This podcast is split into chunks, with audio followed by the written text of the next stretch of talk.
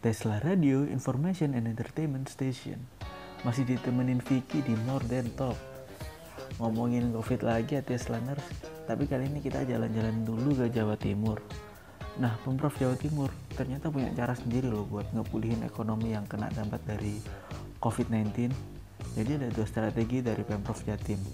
Strategi potensial losers sama strategi winner.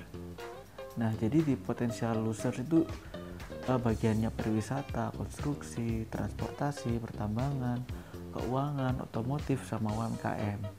Nah, sedangkan di potensi winners ada jasa logistik, jasa telekomunikasi, elektronik, F&B, kimia, farmasi, sama alat kesehatan.